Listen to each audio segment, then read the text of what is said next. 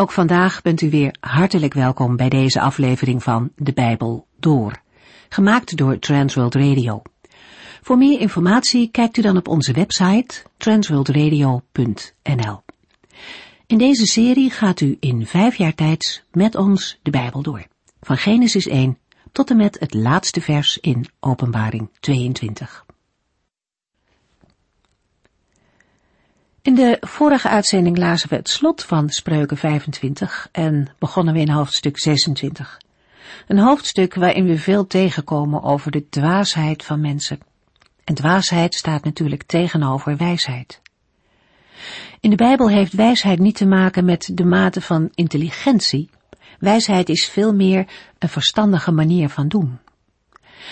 Deze wijsheid krijg je door tijd met de Heere God door te brengen, door van Hem te leren. In de zomer van 2012 stierf een bekende rabbijn uit Jeruzalem. Hij werd 102 jaar. Deze rabbijn had zijn leven eraan gewijd om de Torah, de vijf boeken van Mozes, te bestuderen. Hij stond ook bekend om zijn grote wijsheid. En verder leidde hij een bescheiden leven in een gewoon huis. Nog een opvallend detail waarom deze rabbijn bekend stond, hij maakte geen ruzie. Hij werd niet kwaad. Wijsheid en zoeken naar vrede staan niet los van elkaar. Die combinatie kwamen we de vorige keer ook tegen in spreuken.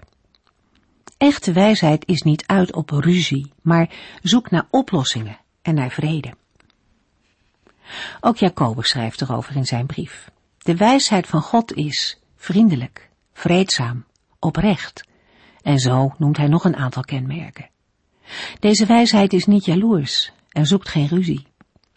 Mensen die wijs zijn, zijn prettig om in de buurt te hebben. Daar heb je wat aan. In tegenstelling tot al die onwijzen die op ruzie uit zijn. De spreukendichter verwoordt het heel mooi. Je kunt nog beter op het dak zitten dan met een twistzieke vrouw in één huis te moeten wonen. Hij laat door een paar rakerspreuken zien hoeveel kwaad, ruzies en roddels kunnen veroorzaken. Zoals een vuur dat weer opleidt als er nieuw hout op wordt gegooid, zo leidt laster tot nieuwe oneenigheid. Maar wanneer mensen stoppen met die roddels of stoppen met het ruzie zoeken, dan kan er rust en vrede komen. We lezen verder in de laatste spreuken van hoofdstuk 26.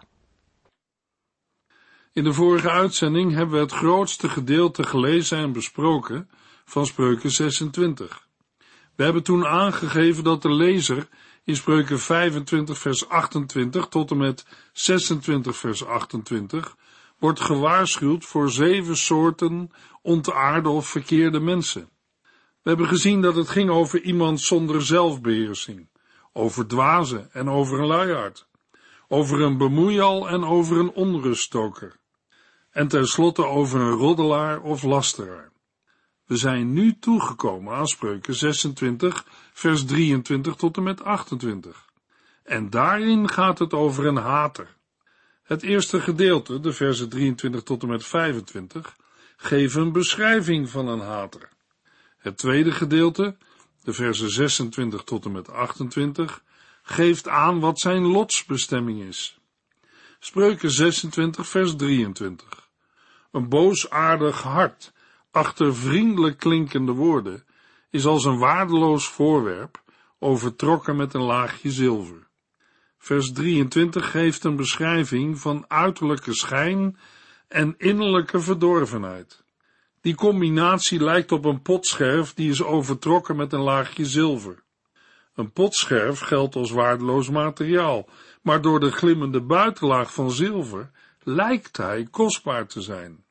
Het voorbeeld staat model voor vriendelijk klinkende woorden en een verdorven of boosaardig hart. Spreuken 26 vers 24. Wie haatdragend is, laat dat van buiten niet merken, maar in zijn hart gaat heel wat anders om.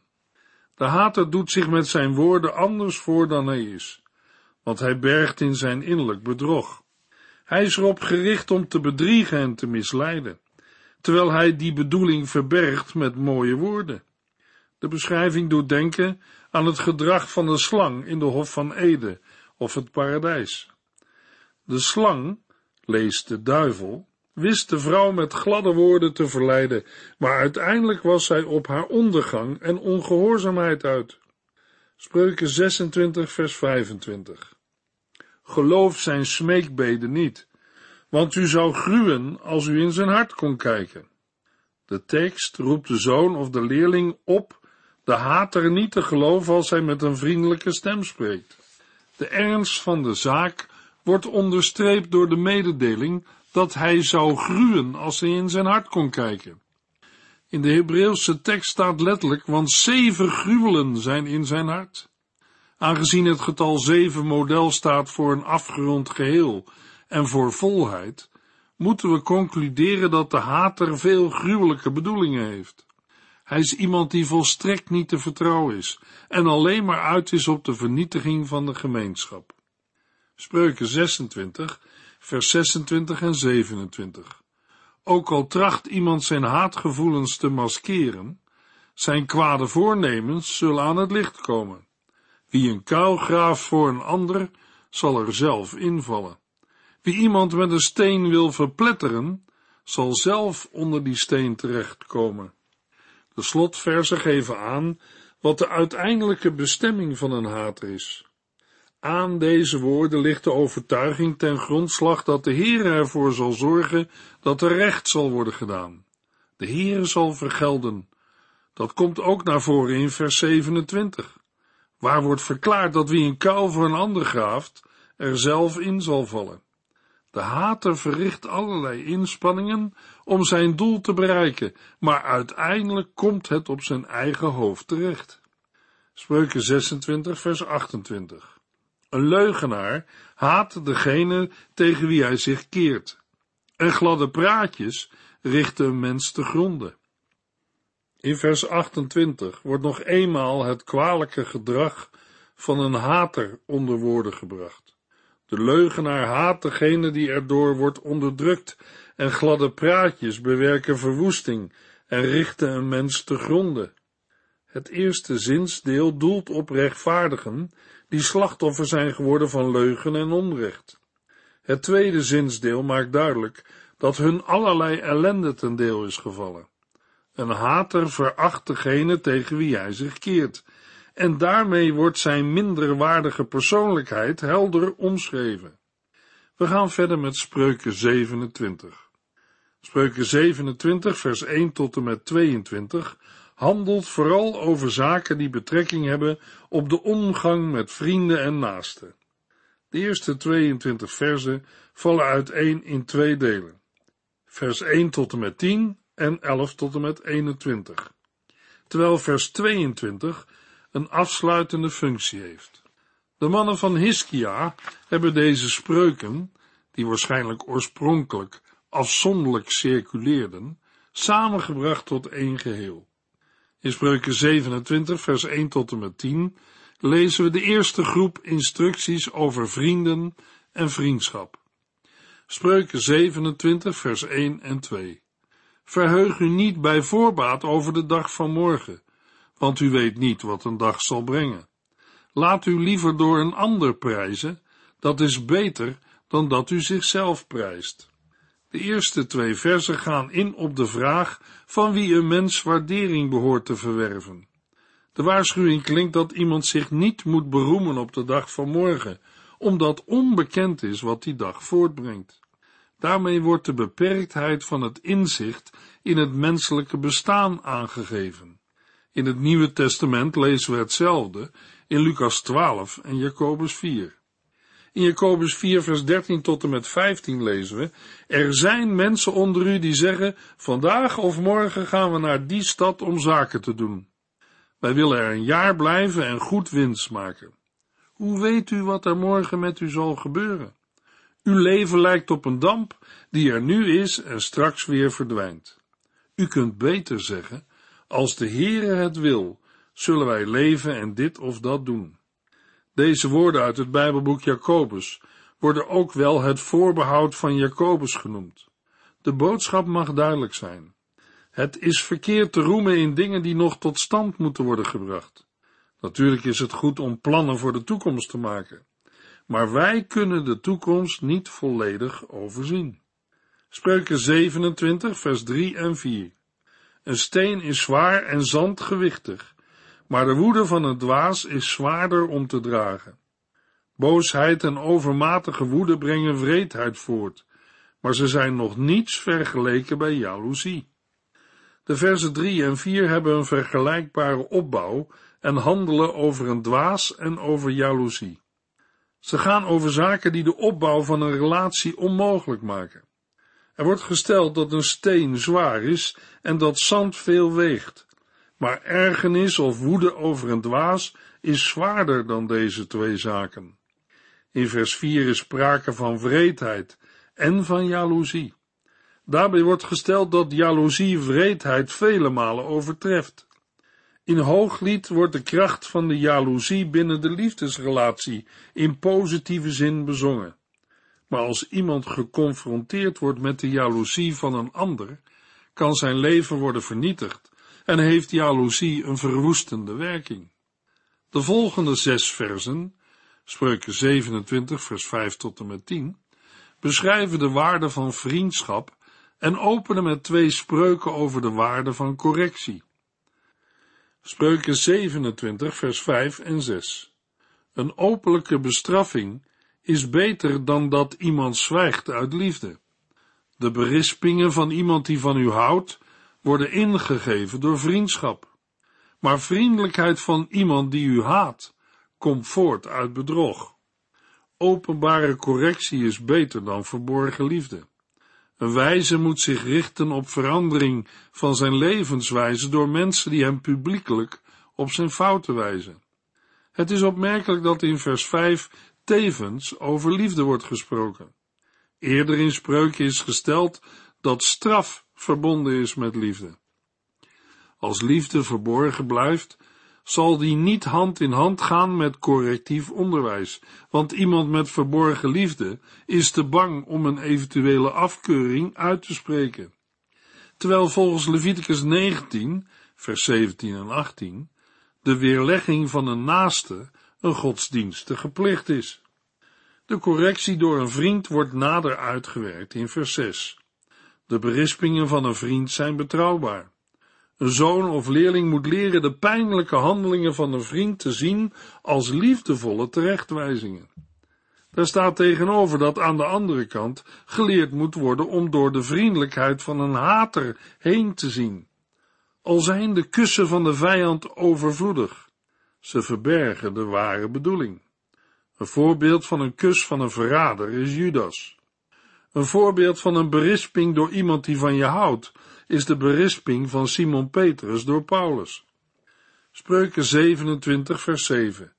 Iemand die zojuist gegeten heeft, taalt niet meer naar lekker eten, maar honger maakt de rauwe bonen zoet. De volgende spreuk stelt dat iemand die gegeten heeft niet meer vraagt om eten, en dat voor iemand die honger heeft al het bittere zoet smaakt. De mate waarin je iets lekker vindt en nog wilt eten, wordt bepaald door de vraag of je al dan niet verzadigd bent. Het afkraken van goede dingen bij oververzadiging en het eten van bittere zaken, als rauwe bonen, bij honger, zijn uitersten. En mogelijk dat de tekst ook bedoelt dat matiging belangrijk is. Spreuken 27 vers 8. Zoals een uit het nest gevallen vogel rondzwerft, zo doolt een man rond die zijn vaderstad verliet. De spreuk in vers 8 geeft aan dat een man die wegvlucht van zijn huis te vergelijken is met een uit het nest gevallen vogel die maar rondzwerft. Bij het verlaten van een huis of vaderstad moeten we een noodsituatie veronderstellen. Dat de bescherming van ouders en later van een echtgenote niet moet worden opgegeven, is een achterliggend thema dat regelmatig voorkomt in het Bijbelboek Spreuken. De woorden uit vers 8 geven aan dat de mens zich niet te veel door zijn gevoelens moet laten meeslepen, maar een verstandige afweging moet maken. Daarbij is het gebed, Heere, wat wilt u dat ik doen zal, van doorslaggevende betekenis. In het Nieuwe Testament lezen we in 1 Corinthians 12 vers 7 en 18 de geest openbaart zich door elk van ons tot welzijn van de hele gemeente. En de Heere heeft een eigen plek voor elke gelovige, om de gave die hij heeft gekregen te praktiseren. God heeft alle verschillende delen op hun eigen plaats in het lichaam gezet, zoals hij het goed vond. Wij horen op de plek te komen waar de Heere wil dat wij zijn. Daar horen wij de van de Heer ontvangen gaven in te zetten tot welzijn van de hele gemeente. In het Nieuwe Testament vinden we ook voorbeelden van mensen die kennelijk hun gaven niet gebruiken. Paulus zegt in 2 Timotheus 4 vers 10 over Demas, want Demas heeft mij verlaten. Hij hield te veel van deze wereld en is naar Thessalonica gegaan. Spreuken 27 vers 9 en 10. Geurige olie maakt het hart blij, net zoals de goede raad die de ene vriend de andere geeft. Verlaat uw vriend en die van uw vader niet, maar wend u in tijden van tegenspoed niet tot uw broeder, want een goede buurman is beter dan een ver familielid. In de versen 9 en 10 wordt expliciet ingegaan op de waarde van vriendschap. Met geurige reukolie werden mensen en gasten gezalfd bij een maaltijd. De geur van wierook kon iemand ontspannen en blij maken. Net zoals dergelijke kostbare producten worden gewaardeerd, wordt ook de goede raad van een vriend gewaardeerd. De zoon of leerling wordt opgeroepen zijn vriend en de vriend van zijn vader niet in de steek te laten. Laat hij niet het huis van zijn broer binnengaan op het moment van rampspoed en de vriend passeren. Er is sprake van een noodsituatie en juist dan is een goede vriend van het grootste belang. Een vriend is bij uitstek degene die helpt in nood. Hij is volgens spreuken 18 vers 24b meer waard dan een broer. Vers 10 wordt afgesloten met een enigszins losstaande, eenregelige spreuk. Want een goede buurman is beter dan een ver familielid. Bedoeld is dat een buurman eerder kan helpen in nood dan een ver familielid. In spreuken 27, vers 11 tot en met 21 volgt nu de tweede groep instructies over vrienden en vriendschap. Spreuken 27, vers 11. Wees verstandig, mijn zoon, en maak mijn hart blij. Dan kan ik wie mij aanvalt van repliek dienen. Vers 11 begint met een oproep aan iemand die door de spreker wordt aangeduid als mijn zoon. De geadresseerde kan een letterlijke zoon of een leerling zijn. De zoon wordt opgeroepen wijs te zijn, zodat zijn vader zich kan verheugen. Dan heeft hij ook een weerwoord tegenover degene die hem aanvalt. Dit vers sluit aan bij Spreuken 23, vers 15 en 16, waar staat dat de vader of leraar zich verheugt als zijn zoon of leerling wijs is. In Spreuken 27, vers 11 verhoogt de wijsheid van de zoon de status van de vader of wijsheidsleraar. Spreuken 27, vers 12. Een bedachtzaam en verstandig mens ziet het dreigend gevaar en verbergt zich. Maar de onverstandigen blijven gewoon doorgaan en worden dus gestraft. De spreuk in vers 12 gaat nader in op de waarde van verstandigheid en komt overeen met spreuken 22 vers 3. Een verstandig mens zoekt bij dreigend gevaar bescherming, maar een onverstandige niet. Een onverstandige blijft gewoon doorgaan en moet ervoor boeten.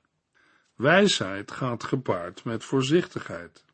Spreuken 27 vers 13. Heeft iemand zich garant gesteld voor een onbekende, neem dan zijn mantel als onderpand. In vers 13 gaat het om verkeerd gedrag. Er wordt gesproken over een situatie waarin iemands mantel moet worden genomen omdat hij voor een vreemde borg is gaan staan. Als iemand zo naïef is geweest om borg te staan voor onbetrouwbare personen, als een vreemde of een lichtzinnige partij, moet op voorhand het opperkleed, vaak het laatste bezit, worden genomen. Spreuken 27 vers 14 Wie zijn kennis als morgens vroeg luidruchtig en joviaal een groet toeroept, zal met argwaan bekeken worden. De precieze betekenis van deze spreuk is niet duidelijk. Waarschijnlijk is bedoeld dat mensen in de ochtend soms humeurig zijn en een luidruchtige begroeting niet waarderen. In dat geval wordt een gemis aan bezonnenheid aan de kaak gesteld. Een andere verklaring is dat een luidruchtige begroeting geldt als overdreven en onoprecht. Spreuken 27, vers 15 en 16. Een lekkend dak bij zware regen is net zo erg als een ruziende vrouw. Ze is net zo ongrijpbaar als de wind, net zo min te verbergen als de geurige olie die u op uw rechterhand strijkt. De twee spreuken in vers 15 en 16 gaan in op de thematiek van een ruziende vrouw. Een dergelijke vrouw is te vergelijken met een lekkend dak tijdens een zware stortregen. Het punt van overeenkomst is hierin gelegen dat ze allebei irritant en ondraaglijk zijn. Spreuken 27 vers 17 Zoals ijzer met ijzer wordt geslepen, zo scherpt de ene mens de ander. Nadat is gesproken over verkeerde relaties, wordt in het vervolg ingegaan op vriendschap. Vers 17 vergelijkt het slijpen van ijzer met ijzer met het scherpen van mensen onderling. Het scherpen staat dan voor het vormen van iemands persoonlijkheid. Doordat mensen intensief met elkaar omgaan, kunnen ze elkaar corrigeren en vormen.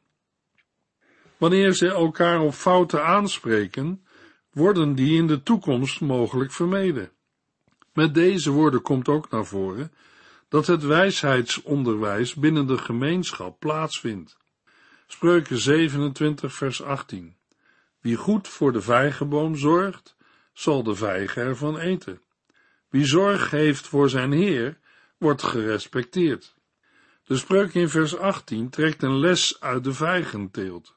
Wie een vijgenboom verzorgt, zal ook eten van de vruchten.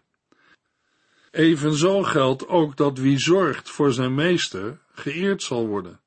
Daarom is het van belang zorgvuldig om te gaan met hooggeplaatsten. Toewijding en respect zullen ervoor zorgen dat de ondergeschikte of dienaar wordt geëerd. Spreuken 27 vers 19 Zoals het water het uiterlijk van een mens weerspiegelt, geeft het hart van een mens zijn innerlijk weer. Bezinning op menselijke motieven kan ons meer leren over de medemens en over onszelf. In het woord van de Heere lezen we weliswaar dat het mensenhart ondoorgrondelijk is, maar het is wel mogelijk iets van de menselijke neigingen te ontdekken. Wie zich laat vormen tot een wijs mens, is in staat iets van de eigen en andermans drijfveren, emoties en gevoelens te begrijpen. Spreuken 27 vers 20 Hel en verderf zijn nooit te verzadigen. Datzelfde geldt voor de verlangens van een mens. In vers 20 komt de onverzadigbaarheid van de mens aan de orde. In het gebroken menselijke bestaan blijft de dood onophoudelijk zijn tol eisen. Dit voorbeeld staat model voor de mens die steeds maar doorgaat met begeren en daardoor nooit tot rust zal komen. Het zoeken naar ultieme bevrediging is als het najagen van wind. Spreuken 27 vers 21 Zoals de smeltkroes het zilver toetst en de oven het goud, zo wordt een mens getoetst door zijn reputatie. Zuivering van de persoonlijkheid komt naar voren in de spreuk over de smeltkroes voor het zilver en de oven voor het goud. Via een proces van verhitting komt het zuivere metaal tevoorschijn. Zo wordt een mens getoetst op zijn goede naam. Iemands goede naam kan ervoor zorgen dat hij een hogere positie verwerft. Daarin ligt de overtuiging besloten dat de verbondsgemeenschap in staat is te bepalen wie goed en fout is. Spreuken 27 vers 22 Al stamp je een dwaas in een mortier met een vijzel, midden tussen het gestampte graan, toch raakt hij zijn dwaasheid niet kwijt. Vers 22 staat enigszins los van de eerdere spreuken, maar is er inhoudelijk mee verwant. Net als vers 10 brengt vers 22 een gedeelte tot een afsluiting. De overeenkomst tussen vers 10 en 22 is de lengte van de Hebreeuwse tekst. Daarbij vormen vers 11 en 22 een omsluiting. Met de oproep om verstandig te zijn in vers 11 tegenover de beschrijving van een dwaas in vers 22. In vers 22 wordt de beeldspraak van de vijzel en het graan gebruikt. Ook al zou de dwaas helemaal verpulverd worden, de dwaasheid zal niet van hem wijken. In Spreuken 22 vers 15 wordt aangegeven dat sommige mensen toch wel voor verbetering vatbaar zijn. Spreuken 27 vers 23 tot en met 27 gaat over vee en over het belang van de kudden. Het onderwijs spoort aan om goed te letten op de staat van het kleinvee en om goed voor de kudde te zorgen. Rijkdom duurt niet eeuwig en rijkdom en aanzien gaan niet alsmaar over van generatie op generatie. Er staat tegenover dat veeteelt iets is dat zich steeds vernieuwt. De rijkdom van het veld zorgt steeds opnieuw voor jonge dieren om kleding en akkers te kunnen kopen. Ook zorgt kleinvee ervoor dat er voldoende geitenmelk is als voedsel voor u, uw gezin en uw personeel. In onze materialistische tijd zullen wij de waarheid moeten erkennen dat we niets van onze rijkdom kunnen meenemen naar de eeuwigheid. Want rijkdom duurt niet eeuwig. In Lucas 12 vertelt Jezus een gelijkenis over een rijke man die zich afvroeg waar hij alles moest laten. Ineens wist hij het.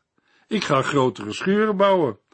Als het klaar is, ga ik rentenieren en genieten, want ik heb voor jaren genoeg. Lucas 12, vers 20 en 21.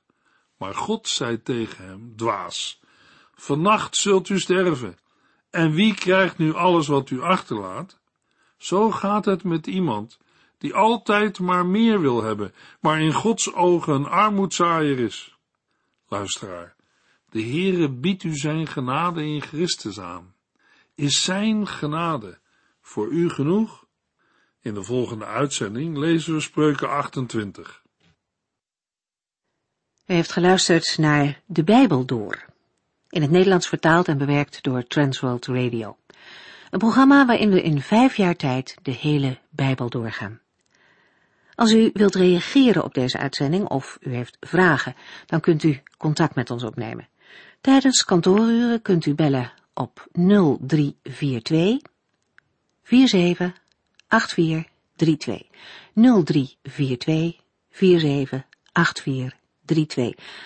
Ook kunt u een e-mail sturen naar de en natuurlijk kunt u ook via de post ons bereiken.